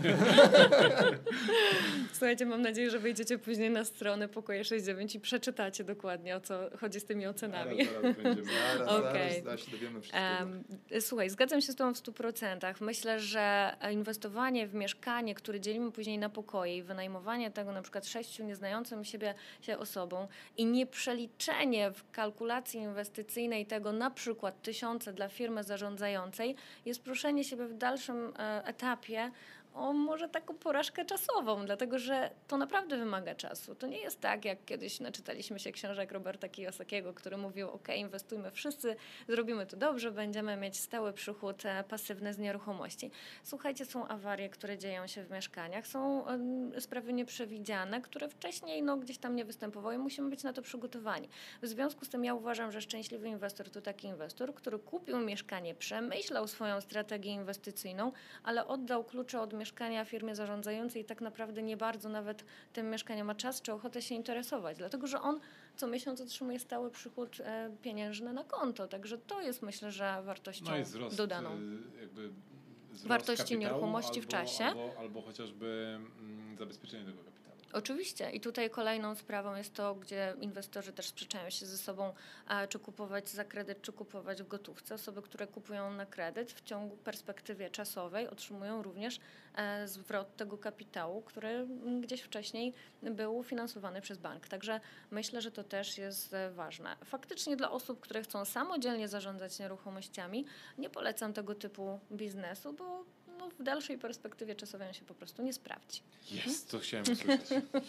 to trochę chyba też e, jakby ja mam wrażenie, że część osób, które wchodzi w jakiekolwiek inwestycje, e, nie myśli o tym czasie i nie wie w ogóle, ile tak naprawdę jest warta godzina jego czasu i na co ją przeznacza i ja znam mnóstwo osób, które nie mają zielonego pojęcia, ile wydają w miesiącu, tylko mhm. patrzą, czy się zgadza stan na koncie i czy nie ma minusa. Mhm. Więc, więc też polecam wszystkim, zanim zajmą się nieruchomościami, po prostu usiąść, przemyśleć z kartką papieru, co robią, jak robią i czemu chcą to zrobić. Ile na tym zarabiają też. To tak ten. A ja chciałem spytać się o ciemne strony wynajmu na pokoje, bo na pewno mhm. są jakieś ciemne strony. Mhm. Wiesz co, u mnie są tylko kolorowe strony. Jest fuksja, jest e, kolor musztardowy, w który jestem właśnie ubrana, więc fuksja, słuchajcie. Fuksja, mój Boże, fuksja, co, co fuksja, panowie, wpiszcie sobie, wpiszcie sobie, e, co to jest fuksja. Kiedyś z, razem kolegami z branży nieruchomości zastanawialiśmy się, czym się różni fuksja od amarantu. Także zobaczcie, to też e, ciekawe. Słuchajcie, nieruchomości wiążą się oczywiście z różnego typami zagrożeń, dlatego też lepiej przygotować się, dlatego też lepiej przeczytać książki, dlatego posłuchać kogoś mądrego, wybrać się na konsultacje do osób bardziej do, od siebie doświadczonych. Oczywiście warto należeć do jakichś grup, które skupiają w sobie innych inwestorów, na przykład typu mieszkanicznik, czy na przykład tak jak u Piotra Hryniewicza, absolwenci Hryniowej Edukacji Inwestowania. Myślę, że jest dużo takich grup, do których, w których warto uczestniczyć. I uwaga, z tymi ciemnymi stronami to jest tak, że w każdym miejscu, w każdym miejscu waszego życia takie ciemne strony są. Pytanie, jak my się do tego przygotujemy, czyli jak my się zabezpieczymy. Z mojej kariery nieruchomościowej nie zdarzyła się sytuacja, z której my byśmy nie potrafili, w której nie byśmy, e, byśmy nie potrafili znaleźć rozwiązania. Mm, dlatego muszę cię zasmucić, ale nie odpowiem ci, jak to jest. Inaczej, może chroniczny brak czasu, e, bo to doskwiera nam w nieruchomościach. Także tu muszę to ci powiedzieć, że pytam tak. się wprost. Mhm. E, czy możesz powiedzieć, jaki odsetek ludzi po prostu nie płaci i jest problem z nimi? Mhm, Okej. Okay. W naszym systemie jest to dosyć, myślę, że mało odsetek. A jest to związane z dosyć dobrą selekcją najemcy, którego bierzemy na mieszkania. Muszę powiedzieć, że z perspektywy czasu ostatnio zdarzyły nam się takie sytuacje, kiedy to ktoś postanowił porzucić mieszkanie i nawet nie zdał kluczy od mieszkania, twierdząc, że na przykład skarżył się na, na to, że w mieszkaniu pojawił się grzyb, który tak naprawdę tego grzyba nie było. W międzyczasie zaczęły przychodzić do niego jakieś tam listy z um, jakichś firm pożyczkowych, także wiem, że ta osoba po prostu popadła w jakiś dołek finansowy i postanowiła zamknąć temat, uciekając z mieszkania. I tu zobaczcie, właśnie nie jest to zagrożenie, o którym mówiliśmy, że ktoś nie chce się wyprowadzić. Ktoś się wyprowadził, ale faktycznie postanowił nie płacić. Oczywiście, jeśli ma macie skonstruowane dobrze wszystkie dokumenty, jesteście do tego przygotowani, no to jeśli macie do czynienia z oszustem, to po prostu tą sprawę należy dalej windykować lub podać na przykład do e-sądu, który to w dosyć szybkim trybie rozpatrzy tą sprawę. No i myślę, że um, możecie też liczyć na to, że zyskacie jeszcze na tym, dlatego że ten pokój możecie później jeszcze dalej komuś wynająć. Także nie bójcie się też tego. W każdym biznesie może zdarzyć się ktoś, kto wam po prostu nie zapłaci i to trzeba wziąć pod uwagę i traktować to jako ryzyko biznesowe. A jaką kaucję pobieracie? My pobieramy y, jednokrotność e, czynszu plus dwa razy media. Przynajmniej takie stawki okay. obowiązywały w poprzednim okresie. Teraz e, postanowiliśmy iść na optymalizację systemu i ustaliliśmy, że jeśli jest to pokój, to bierzemy 1500 zł kaucji Jeśli jest to kawalerka, to na przykład w zależności od liczby osób, która będzie mieszkała, czy dwie, czy jedna, dwa albo odpowiednio dwa i pół tysiąca. Jak miała spojrzeć na te swoje 200 pokoi, Mhm. to No jeszcze może nie 200, ale blisko, okej? kilka. Tak? fuksje i... Fuksje i amaranty. Amar, amar, amaranty. Panowie dzisiaj się mocno wyedukują, jeśli chodzi o O. gamę kolorystyczną. Ba. Dzięki. E, to kto wynajmuje te pokoje? Myślę, że prostą odpowiedzią będzie wizerunek osoby młodej, pracującej do około 30 roku życia, osoby, które przyjeżdżają z innych miast bądź innych krajów i faktycznie jeszcze nie chcą kupować mieszkania dla siebie, e, bądź osoby, które tak naprawdę z racji swojego wieku e, wiążą się ze zmianą miejsca zamieszkania w przyszłości, zmieniają pracę i tak. Także e, Myślę, że tak. Oczywiście mamy też e, pracowników typowo korporacyjnych, którzy po prostu są oddelegowani na jakiś czas do e, miejsca pracy w konkretnym mieście. Okej, i jeszcze ostatnie pytanie, już daję Ci Pawle głos. Mhm. Czy jest coś takiego, słyszałem takie e, jakby informacje od innych osób, że są pewne rzeczy, które takich ludzi mm, dyskwalifikują na wejściu. Na Mhm. przykład jak wchodzi taka młoda osoba, to na co patrz? Oprócz oczywiście tych zarobków, znaczy tego zatrudnienia i tak dalej. Czy są jakieś takie rzeczy, na które należy uważać przy takiej e, weryfikacji najemcy? Okej, pytasz się z punktu widzenia nas jako właścicieli czy zarządców, tak, Tak, na znaczy- co zwrócić uwagę, żeby y, odselekcjonować, y, odsiać te osoby, które nie powinny u nas mieszkać, tak? Znaczy, Mhm. to powiem szczerze, ja słyszałem, że bardzo wiele osób, e, które są w biznesie takim jak ty, na przykład odrzuca od razu osoby po 30, Mhm. e, tam z różnych powodów, i osoby, które wchodzą z walizkami. Ha, widzisz, wiem o tym, e, być może nawet wiem o kim mówisz, natomiast em, muszę Ci powiedzieć, że ja Cię zaskoczę, dlatego że mm, może nie osoby po 30, tylko faktycznie odbiegające znacznie od pozostałej części osób mieszkających w mieszkaniu. Mieliście, mielibyście nadal szansę, panowie, u mnie, tylko faktycznie znalazłabym inne mieszkanie Jest. dla Was, po prostu takie Jest światełko w tunelu. jest światełko, macie może szanse, takie mm, inaczej, inaczej wydzielone. E, natomiast nie odrzucałabym e, absolutnie osób, które przyjeżdżają z walizkami. Utarł się nam schemat, kiedy to najemca przyjeżdża z walizkami, po prostu no, nie przygotował się wcześniej, szuka czegoś na ostatnią chwilę, ktoś go wyrzucił z mieszkania, w ogóle jest zapłakany, musi mieszkać od już, ale faktycznie zwróciłabym uwagę na powód, dlaczego ktoś poszukuje mieszkania. Zweryfikowałabym to, dlaczego wyprowadził się z poprzedniego miejsca. Co się stało, że on dzisiaj zaczął mieszkać na przykład w Warszawie, a wcześniej mieszkał gdzie indziej. Okazuje się, że duża część naszych najemców przychodzi do nas z walizkami. Ale żeby Mhm. oglądać pokój? Tak. E, No, może nie na tyle, tylko faktycznie są gotowi się dzisiaj przeprowadzić. Znaczy u mnie, Mhm. u mnie jest to wyzwanie, że Tak. jak widzę Pawła u siebie z walizką przed To zaczynasz drzwiami, się to- martwić. To zaczynam się martwić zwykle. Mam nadzieję, że on nie pakuje wtedy Twoich rzeczy z Twojego mieszkania. Wydarek, czas, czas się pakować. Z Nie jest to tak, że faktycznie najemcy przychodzą z walizkami na już, ale są gotowi do przeprowadzki w ciągu jednego dnia. Także takie osoby również nam się zdarzają. Mało tego muszę Wam powiedzieć, że często mieszkają przez więcej niż jeden sezon. Także ja tutaj absolutnie to wykluczam. Tak samo jak przytarł się taki schemat, że nie wynajmujemy pokoi dla par, bo wtedy są same problemy. Ja Wam mówię, my wynajmujemy i bardzo się cieszymy, a niektóre z tych par później jeszcze kupują sobie szczęśliwie swoje mieszkanie i biorą ślub. Także wcale nie wykluczam takiego schematu. No dobrze, słuchajcie, idzie nam bardzo, bardzo fajna, e, fajnie w tej rozmowie. E, myślę, że temat jest bardzo interesujący ze względu na to, że wiąże się z, e, tak jak powiedziałaś, optymalizacją e, przychodów, czyli e, nawet nie optymalizacją, tylko zwiększeniem przychodów. A tam, gdzie kasa, to, to najczęściej zainteresowanie inwestorów. Przejdźmy do kolejnego etapu naszej rozmowy, czyli do pytań od y, naszych słuchaczy. Ja wczoraj przed tą rozmową wrzuciłem na, y, na naszą stronę na Facebooku e, Corpo Landlord, e, wrzuciłem pytanie, znaczy napisałem, że będziemy nagrywać taki podcast dzisiaj, taki odcinek o najmie na pokoje i czy ktoś ma jakieś pytanie, to coś by chciał wiedzieć i tych pytań naprawdę było sporo. To samo zrobiłem e, na grupie Szkoły Najmu e, którą prowadzimy z Darkiem i też było kilka pytań, więc pozwolę sobie przeczytać te pytania. Jeżeli coś się powtarzało, już jakby na to odpowiedzieliśmy, no to, to, to, to sobie to poukładamy, ok? Pierwszy ja przeczytam, bo znam faceta. Arci. Okay. Jaką umowę stosować z, najem, z najemcą i wynajmującym? Chyba pytanie było Mhm. odnośnie podnajmu takiego, Aha, mieszkania okej. na pokoje. My trochę powiedzieliśmy o tym, tak? Mhm. Czyli najem zwykły, tak? Mhm.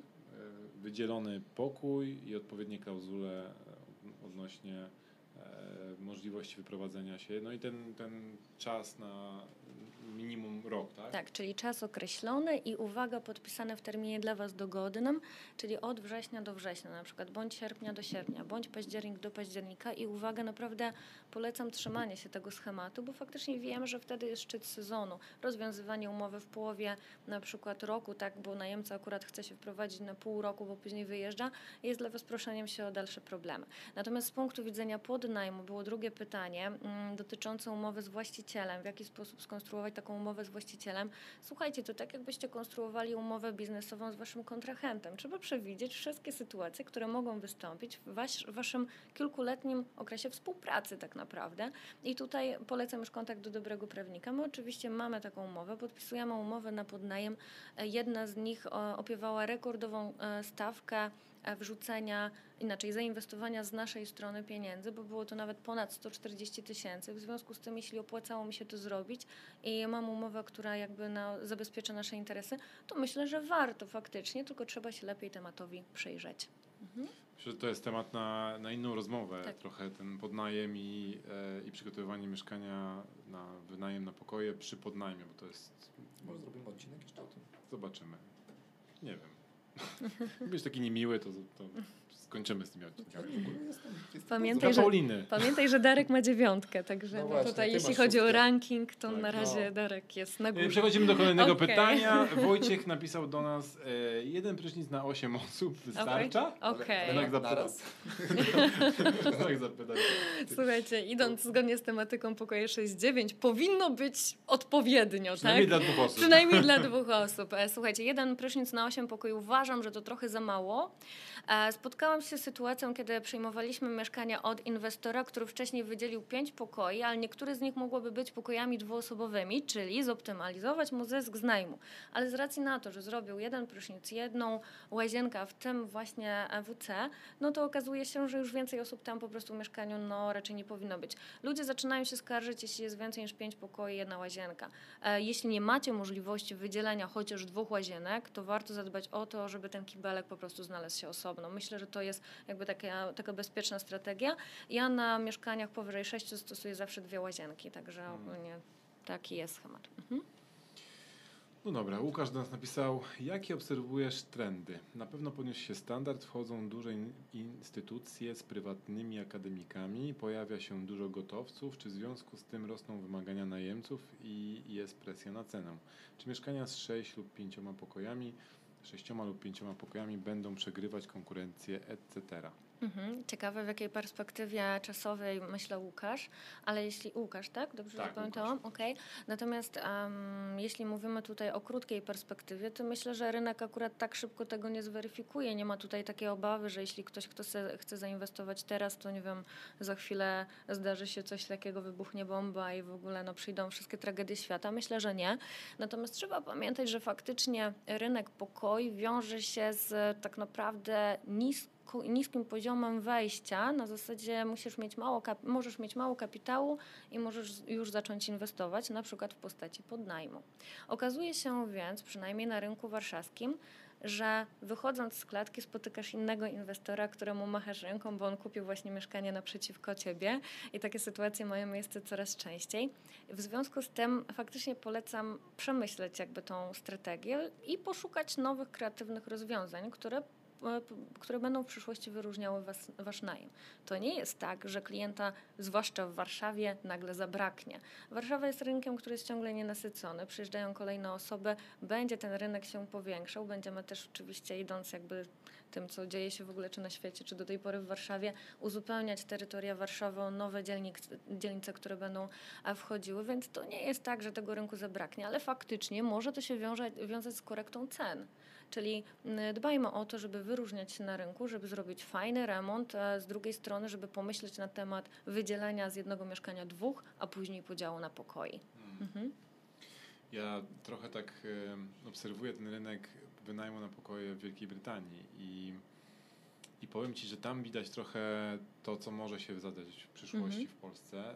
O tym się kompletnie, w moim zdaniem, w tym momencie nie mówi.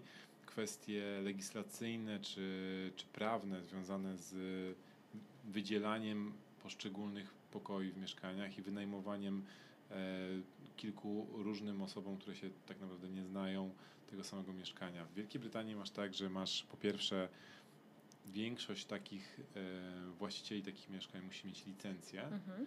Ta licencja po pierwsze kosztuje rocznie i to jest po prostu dodatkowy dochód dla, dla mm, samorządów.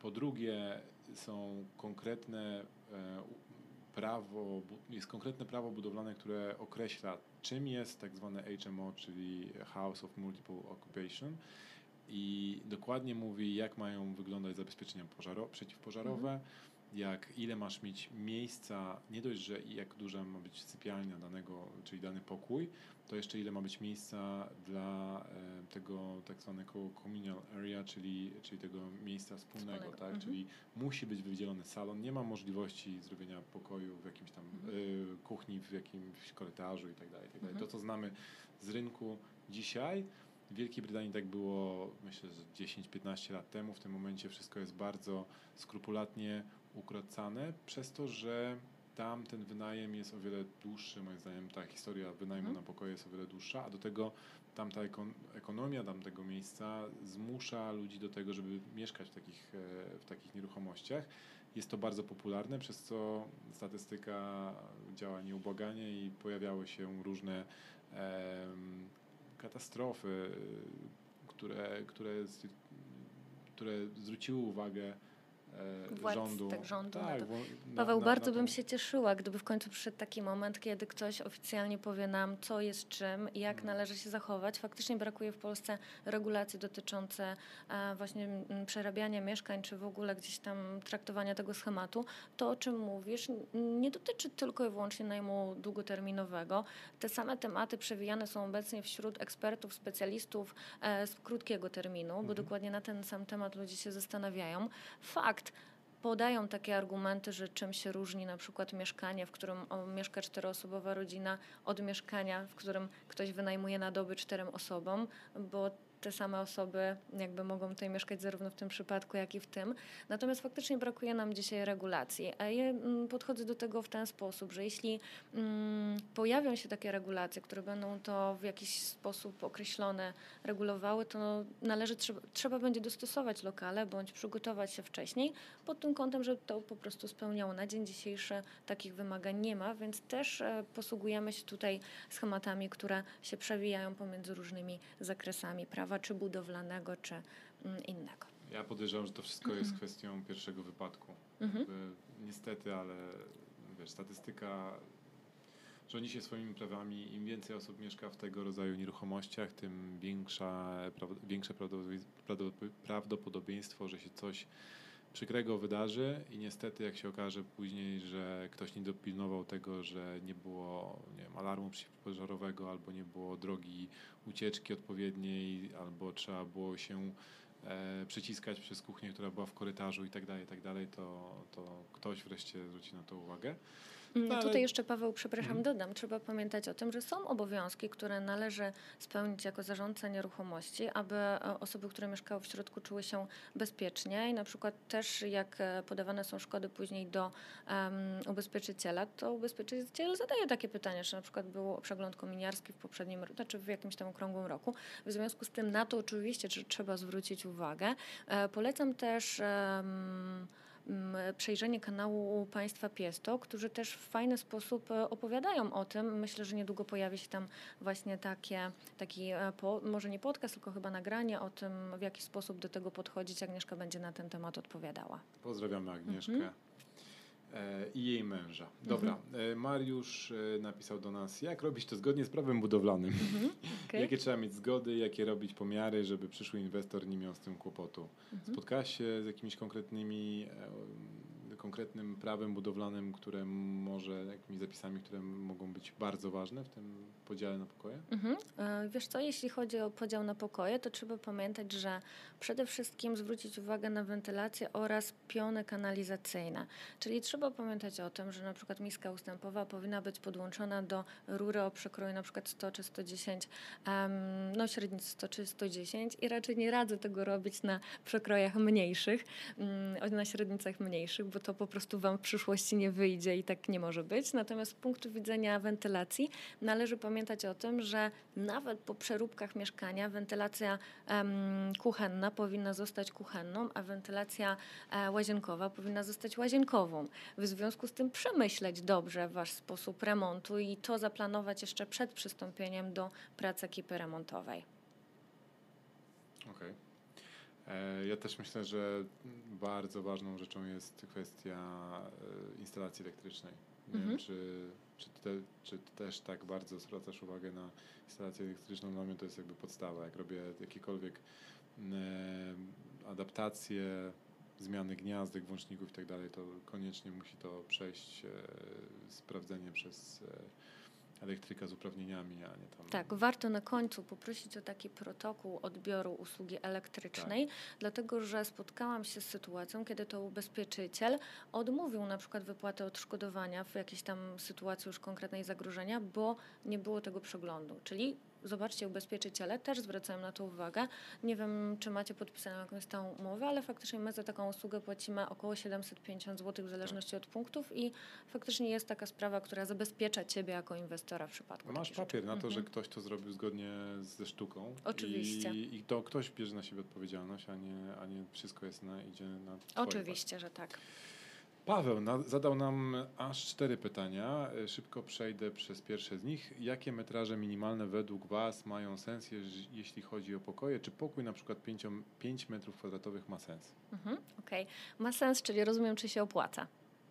Nie wiem, co miał Paweł na myśli. Okay. E, zinterpretuj jak chcesz. Jeśli ma sens. Słuchajcie, powiem Wam taką zagadkę. Mamy mieszkanie w centrum E, które, którego pokój ma powierzchnię 4,5 metra kwadratowego. Muszę przyznać, że sama zastanawiałam się nad tym, czy jest to dobra inwestycja, bo ja jestem zwolenniczką raczej przestrzeni, aniżeli tego, żeby faktycznie mieszkać e, w ciasnym pomieszczeniu. Ale wiecie co? Okazuje się, że ma sens, bo w centrum chce mieszkać bardzo dużo osób i dla niektórych e, ważne jest to, że zapłacą mniej za ten pokój niż za pokój na przykład 12-metrowy, więc oczywiście sens ma i nie bójcie się tego. Myślę, że można swobodnie to zrobić. Dla um, dodania pikanterii dodam, że w pokoju nie zmieściła się szafa, Gdyby był układ może prosty, tego pokoju by się zmieściła, natomiast ponieważ był skos, wstawiliśmy tylko wieszak na ubrania i muszę powiedzieć, że drugi sezon już pokój jest wynajmowany i najemca mm, za każdym razem szuka kogoś właśnie na swoje miejsce i nie było z tym większych problemów, czyli da się, oczywiście. Można, mhm. póki pozwala prawo to. Tak, oczywiście. E, jakie wyposażenie rekomendujecie? Może macie jakieś ulubione, sprawdzone, odporne na najem łóżka? Mhm. Tapczany, biurka, krzesła, szafy. Panowie, łóżka Czy... są ważnym elementem wyposażenia. Przetestowałaś Każde łóżko na naszych nieruchomościach testujemy. Jeśli nie przejdzie mojego testu, to znaczy, że nie wstawiamy go na nieruchomości. Darek uśmiecha się pod nosem. No słuchajcie, no muszą być... testować. Muszą ja być jakieś... Muszę prowadzić tę zasadę. Z kim będziesz testował? Muszą być, Darek, jakieś rekomendacje firmy 6.9, także tak, oczywiście, że tak. Słuchajcie, łóżka są bardzo ważnym etapem, bardzo ważnym etapem, elementem wyposażenia i oczywiście od tego trzeba zacząć. Mm, wstawienie łóżek kiepskiej jakości ja osobiście uważam za marnotrawienie swoich funduszy i swojego czasu, bo... A mówimy o łóżkach czy o, czy o materacu? E, i o łóżkach i materacu. Okay. Inaczej, ja nie mówię tutaj o łóżkach genialnej jakości w prestiżowym wydaniu markowej firmy. Ja mówię tutaj o solidnych e, łóżkach. Łóżka, które kupujemy najtańsze, ze stelażami, które rozchodzą się po chwili użytkowania, albo z ramą łóżka, które się po prostu po jakimś czasie rozbija, powoduje to, że najemca Wam zgłasza, proszę mi naprawić łóżko. Więc teraz pytanie, czy to jest coś, co Was interesuje, ile macie na to czasu, bo ja za bardzo nie mam. Więc stawiamy łóżka, które nadają się do użytkowania. To nie oznacza, oznacza, że one są najdroższe, ale na przykład one już spokojnie możemy je kupić za 600-800 zł i naprawdę się nadają. Jedynki oczywiście, tak? Także naprawdę się nadają. Um, polecam tutaj zwrócenie uwagi, czy powstaje Wam pokój jakiś w podziale, który nadaje się na wstawienie rozkładanej sofy. Ona w dzień stanowi funkcję elementu dziennego, natomiast w nocy po rozłożeniu uwaga, może stać się to pokój dwuosobowy, e, do czego oczywiście zgodnie z ideą 6.9 zachęcam. Natomiast z punktu widzenia inwestora daje to możliwości wynajmowania pokoju jako mm, dwójkę bądź wiposką jedynkę. Mhm. Polecasz jakąś konkretną firmę, jeżeli chodzi o meble, czy... Mhm. Mogłabym e, polecić e, dwie firmy, które bardzo często, jakby z którymi ja współpracuję przy wyposażeniu mieszkań. E, firma oczywiście IKEA, która m, ma świetne wyposażenie, jeśli chodzi o kuchnię. Dodatkową... Ja Okej, okay. mam, nadzieję, mam, nadzieję, mam nadzieję, że wiecie o, o, którą firmę chodzi. Natomiast jeśli chodzi o produkty z IKEA, one mają, po pierwsze są trwałe w jakości, po drugie, uwaga, możecie je odebrać z dnia na dzień, ekipa remontowa może je dosyć szybko zamontować. Natomiast w innych firmach czasem czas oczekiwania to trzy tygodnie jak to jedna z Pani powiedziała i szacunkowy czas opóźnienia kolejne trzy tygodnie. W związku z tym ja już zakończyłabym dawno remont, e, więc polecam dlatego produkty z IKEA. E, nie polecam natomiast produktów e, dedykowanych i już tworzonych przez stolarza, dlatego że w przypadku, kiedy wystąpi uszkodzenie jednego z elementów, trudno będzie Wam uzupełnić to o jakim jakąś tam nową część. E, natomiast jeśli chodzi o łóżka, myślę, że świetne rozwiązania są w firmie Agata Meble. E, I tutaj łóżka i sofy. Można też oczywiście jednym rzutem kupić wszystko z Ikei, tylko faktycznie uważam, że tam produkty w tych niższych cenach są słabszej jakości, natomiast te już lepsze kosztują trochę zbyt dużo w stosunku do naszego najmu, dlatego też polecam te z Agaty. To pytanie już chyba zostało e, odpowiedzi. Na to pytanie już udzieli, udzieliłaś odpowiedzi. Do ilu pokoi przejdzie jedna łazienka z WC, a od jakiej ilości pokoi mhm. trzeba koniecznie zapewnić dodatkowe WC lub drugą łazienkę? Powiedziałaś, że powyżej? Powyżej pięciu warto by było zatroszczyć się już o osobne WC. Tak naprawdę osobne WC zatroszczyć się warto zawsze, nawet przy trzech no pokojach. Także Im więcej. Oczywiście. Czy przynajmniej na pokoje wstawiacie pralkę, czy tylko i wyłącznie pralko, pralko, suszarki, żeby nie trzeba było rozwieszać prania po pokojach? Jak mhm. sobie radzisz z praniem? Świetnie. Ja w domu radzę sobie bardzo dobrze, natomiast jeśli chodzi o wynajmowane nieruchomości, to tutaj zwróćcie uwagę, że z części wspólnej korzysta czasem 6, 7, 8 osób. Mm. Wstawienie prania przez jedną osobę powoduje to, że ona gdzieś to pranie musi rozwiesić. Fajnie, jeśli rozwiesi je w pokoju, natomiast z drugiej strony często nie ma na to miejsca. W związku z tym jakiś czas temu e, stwierdziliśmy, że idąc naszym już standardem, procesem, zawsze do mieszkań wstawiamy już pralko suszarki. Dzięki temu faktycznie nie ma tego problemu z suszeniem prania i uwaga, nie wzrastają rachunki za prąd, tak jak się wszyscy o to obawiają, czy za wodę. Nie ma tutaj jakiejś znaczącej różnicy. Pralko suszarki, modele dostępne obecne, nie są to modele dostępne 5 lat temu, które faktycznie być może pożerały jakąś dużą część naszej, mm, no, naszych funduszy. A z drugiej strony można je kupić już w dobrych cenach, bo faktycznie odpowiednią, którą kupiliśmy do naszej ostatniej nieruchomości, myślę, że była to kwota w wysokości 2100-2200 jakoś tak, także spokojnie można też coś takiego kupić. Czy polecasz mhm. jakąś konkretną firmę lub brand? A wiesz co, tutaj e, testowaliśmy chyba... Okej, okay, no właśnie, o tym, o, o, tym rozmawialiśmy. Tak. Macie pralko suszarki? Okej, okay. gdybyście mieli, mogłabym polecić Ale po pierwszym się bardzo, testowym że Paweł produkcie. dokładnie wie, czym się zajmuje. tylu latach znajomości. Okej. Okay. E, wiecie co, stosowałam chyba e, dwa rodzaje pralek, jeśli dobrze pamiętam, pralko-suszarek. Były to firma Samsung i LG, także te pamiętam. Natomiast e, nie przypominam sobie, żeby były inne. Jak coś możecie zadać mi jakieś pytania na Facebooku, ja wtedy to sprawdzę. Okay. I ostatnie pytanie od Darka. Dlaczego 6,9? Ach, dziękuję. Wiedziałam panowie, że w końcu padnie to pytanie. Ja mam nadzieję, że nasi słuchacze też czekali mm, przez cały ten czas z niecierpliwością i są zainteresowani poznaniem odpowiedzi na ten temat. Panowie, to co? Tłumaczyć się? No a jak? Nie masz wyjścia teraz, wiesz, wszyscy czekają tutaj już godzinę 22 minuty. Po to, żeby się dowiedzieć, skąd Tylko wzięła po się... po to, żeby dowiedzieć się, o co chodzi z tymi e, dwoma cyferkami, także... Okej. Okay. Panowie, no to próbujmy. E, trudno mi skupić się, kiedy uśmiechacie się pod nosem i takim już szarmanckim uśmiechem motywujecie mnie do odpowiedzi na to pytanie. Zacieracie ręce przy tym. Słuchajcie, powiem wam wersję oficjalną i nieoficjalną. Od której zacząć? Nieoficjalnej. Okej, okay, od nieoficjalnej. Dobrze, powiem Wam skąd to się wzięło. Postanawiając otworzyć własną działalność gospodarczą, zaczęłam pracować już nad brandem i nad marką. E, wiedziałam o tym, że e, nazwy związane z czymś kontrowersyjnym faktycznie zapadają ludziom w głowę. Ale teraz pytanie, jak połączyć e, marketing nieruchomościowy z takim rynkiem dosyć e, wymagającym i takim poważnym, bo rynkiem nieruchomościowym, gdzie wchodzą w grę transakcje na miliony złotych. W związku z tym zadałam sobie to pytanie przez jakiś czas poszukiwałam na to odpowiedzi i muszę Wam powiedzieć, że to był taki może przypadek, chociaż niektórzy mówią, że w życiu nie ma przypadków, ale byłam kiedyś na takiej konferencji dla e, menadżerów, gdzie uczestniczyło około 800 osób w wydarzeniu. Był trzeci dzień zjazdu, więc już wszyscy byli mocno poimprezowani, niezainteresowani tematem, co działo się tam na scenie. W dodatku było chyba już rozdanie nagród, jakichś tam książek i tak dalej, więc połowa sali po prostu nie uważała i toczyła ze sobą żywe dyskusje. W momencie, kiedy został wyczytany człowiek o jakimś konkretnym numerze wszedł na scenę i miał za zadanie, odebrał nagrodę, miał za zadanie zacytować kolejny numer, który będzie tam wywoływany. Więc stwierdził jeszcze takim wczorajszym głosem, że jego ulubiony numerek po wczorajszej nocy to 6 na 9. W związku z tym zobaczcie, co się dzieje. Cała sala poważnych osób, menedżerów, dyrektorów, skupiona na zupełnie innych zajęciach, nagle zwróciła uwagę na to, co stało się na scenie. Mówię, zobaczcie, jak to działa faktycznie. Wszyscy na to zwrócili uwagę i nieważne, kim są tylko faktycznie każdy zwrócił uwagę.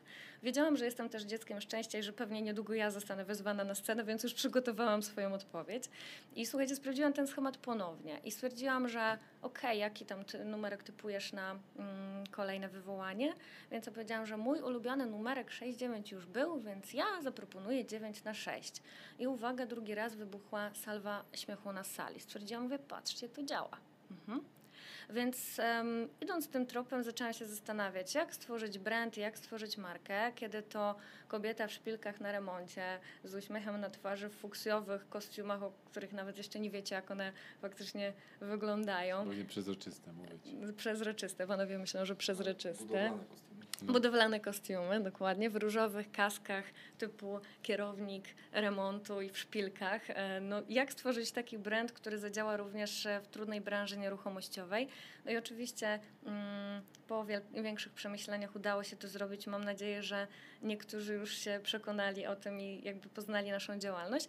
Ja muszę powiedzieć, że wiedziałam o tym, że to działa już po może nawet dwóch miesiącach albo po trzech, jak otworzyłam działalność, bo pamiętam, że uczestnicząc w mieszkaniczniku, um, rozmawialiśmy sobie z jakimś starszym kolegą, pamiętam, z ławki i depodowaliśmy na temat tego, co dzieje się akurat właśnie tam wtedy na scenie.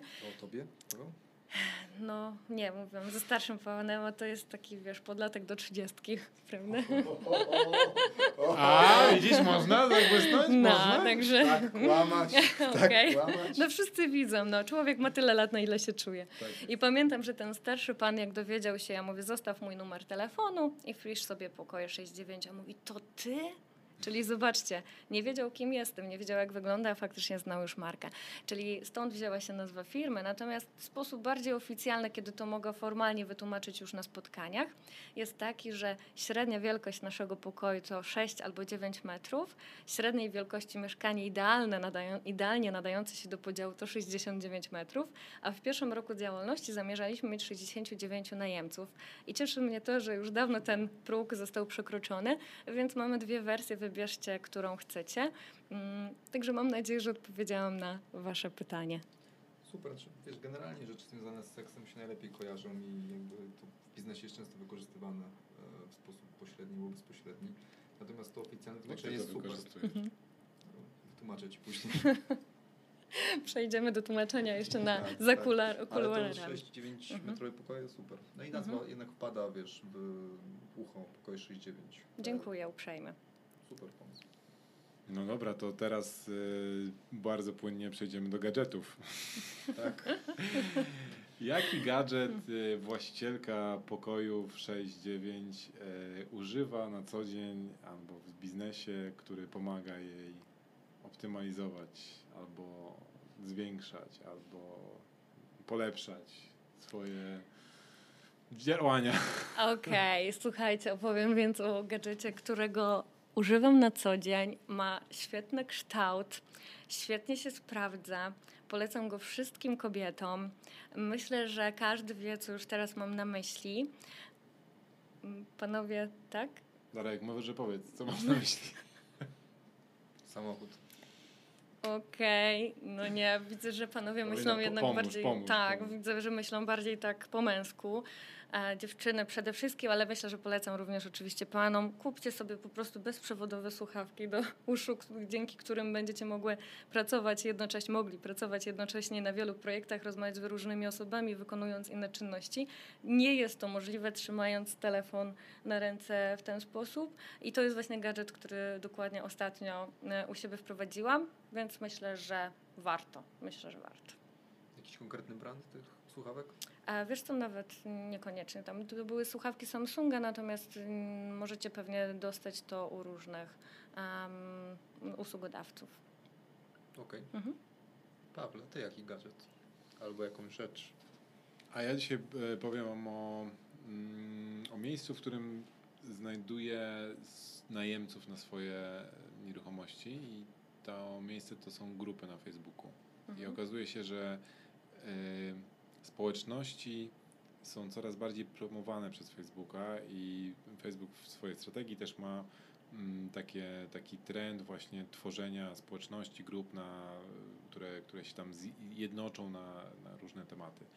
I rzeczywiście jak patrzę po, po tym, jak często, kiedy ja wchodzę na Facebooka, jak często widzę informacje właśnie z grup, do których, w których należę, to, to, chyba, to chyba jest to trend, w którym oni chcą, w którym, w którym chcą iść i okazuje się, że jest bardzo dużo grup, e, które możemy wykorzystać przy nieruchomościach. W moim przypadku e, w Warszawie przy wynajmie mieszkań najczęściej to są kawalerki, e, czy tam małe mieszkania po prostu. Ja szukam osób, które są ekspatami albo, albo młodymi profesjonalistami, albo osoby, które są zatrudnione i po prostu mieszkają tam w parach. I najczęściej szukam w takich grupach jak e, Warsaw Expats, czy coś takiego w nazwie. Jak wpiszecie sobie w wyszukiwarce, to na pewno znajdziecie dużo grup, które pasują do właśnie waszej grupy docelowej, czyli e, w moim przypadku to właśnie pracownicy, którzy przyjeżdżają z innych krajów i chcą zamieszkać w Polsce i ci ludzie się wymieniają przeróżnymi informacjami.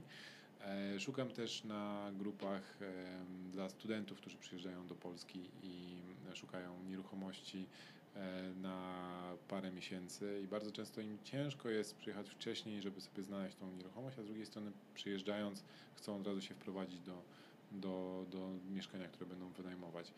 I bardzo często udaje mi się wynajmować te mieszkania na zdalnie, po prostu na odległość, e, robiąc dobre zdjęcia albo e, tworząc spacer wirtualny. Wysyłam taki spacer później jako link w rozmowie z potencjalnym najemcą. Mówię, słuchaj, jak obejrzysz to sobie tam wirtualnie i wszystko Ci pasuje, mm, to możemy podpisać umowę rezerwacyjną. Jeżeli przyjedziesz i to mieszkanie wygląda dokładnie tak samo, jak e, miałeś okazję je zobaczyć wirtualnie, no to znaczy, że zostajesz, tak? No Jakby nie widzę e, jakby innej, innej opcji i bardzo często to się sprawdza, także nawet osobom, które przyjeżdżają z y, bardzo dalekich miejsc na świecie udaje się wynająć w ten sposób mieszkanie. Także jak będziecie szukać najemców na swoje mieszkanie, to nie tylko ogłoszenia mm, takie myślę, że standardowe, czyli jakieś portale ogłoszeniowe, gdzie, które są dedykowane dla, dla nieruchomości, tylko też grupy w social mediach. Podejrzewam, że jak dobrze e, pogrzebiecie, to znajdziecie też inne miejsca e, w mediach społecznościowych, w których możecie w jakiś sposób się ogłosić albo znaleźć najemców e, na swoje mieszkania. Mhm. Paweł, jeśli mogłabym tutaj jeszcze coś dodać. Słuchajcie, w Warszawie jest przynajmniej 17 grup e, dotyczących wynajmu mieszkania.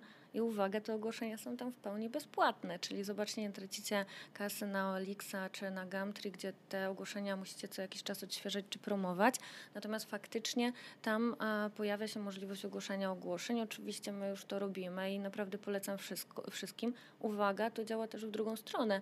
Istnieją takie same grupy dotyczące inwestowania w nieruchomości, tak? Także też warto dokładnie w nich uczestniczyć. To, co jest fajne w mediach społecznościowych, to jest to, że jesteś w stanie zweryfikować swojego najemcę już po profilu. Tak? Oczywiście. Na Facebooku. Możesz zobaczyć, kim ta osoba jest, co sobą reprezentuje jeżeli pierwsze zdjęcie, jakie e, się pokazuje, to jest impreza z zeszłej nocy, gdzie ten. e, Paweł, nie tylko impreza. Mieliśmy gościa, który mm, na pierwsze zdjęcie wstawił sobie mm, siebie z takim tasakiem czy siekierą gdzieś tam z jakimiś śladami krwi, więc faktycznie można to dosyć szybko zweryfikować. No, Lub opis pracy, szlachta nie pracuje. Dokładnie. nie szlachta płaci. Nie płaci. Nie, nie płaci. A nie, nie pracuje, rzeczywiście Nie nie, pracuje. pracuje. A, Mhm. no. A ty co tam przygotowałeś dzisiaj? Ja co, przygotowałem coś, ale zmieniłem. Przygotowałem coś, ale zmieniłem koncept. To znaczy, ym, e, niestety część mojej pracy wymaga pracy z Outlookiem i z mailami. I pomimo tego, że staram się tą komunikację przerzucać do szybszych form komunikacji, typu WhatsApp, Slack, Teamsy czy, czy media społecznościowe, to niestety część muszę wykonać rzeczy związanych z moją pracą na etacie w mailach lub też związane z obowiązkami z nieruchomościami.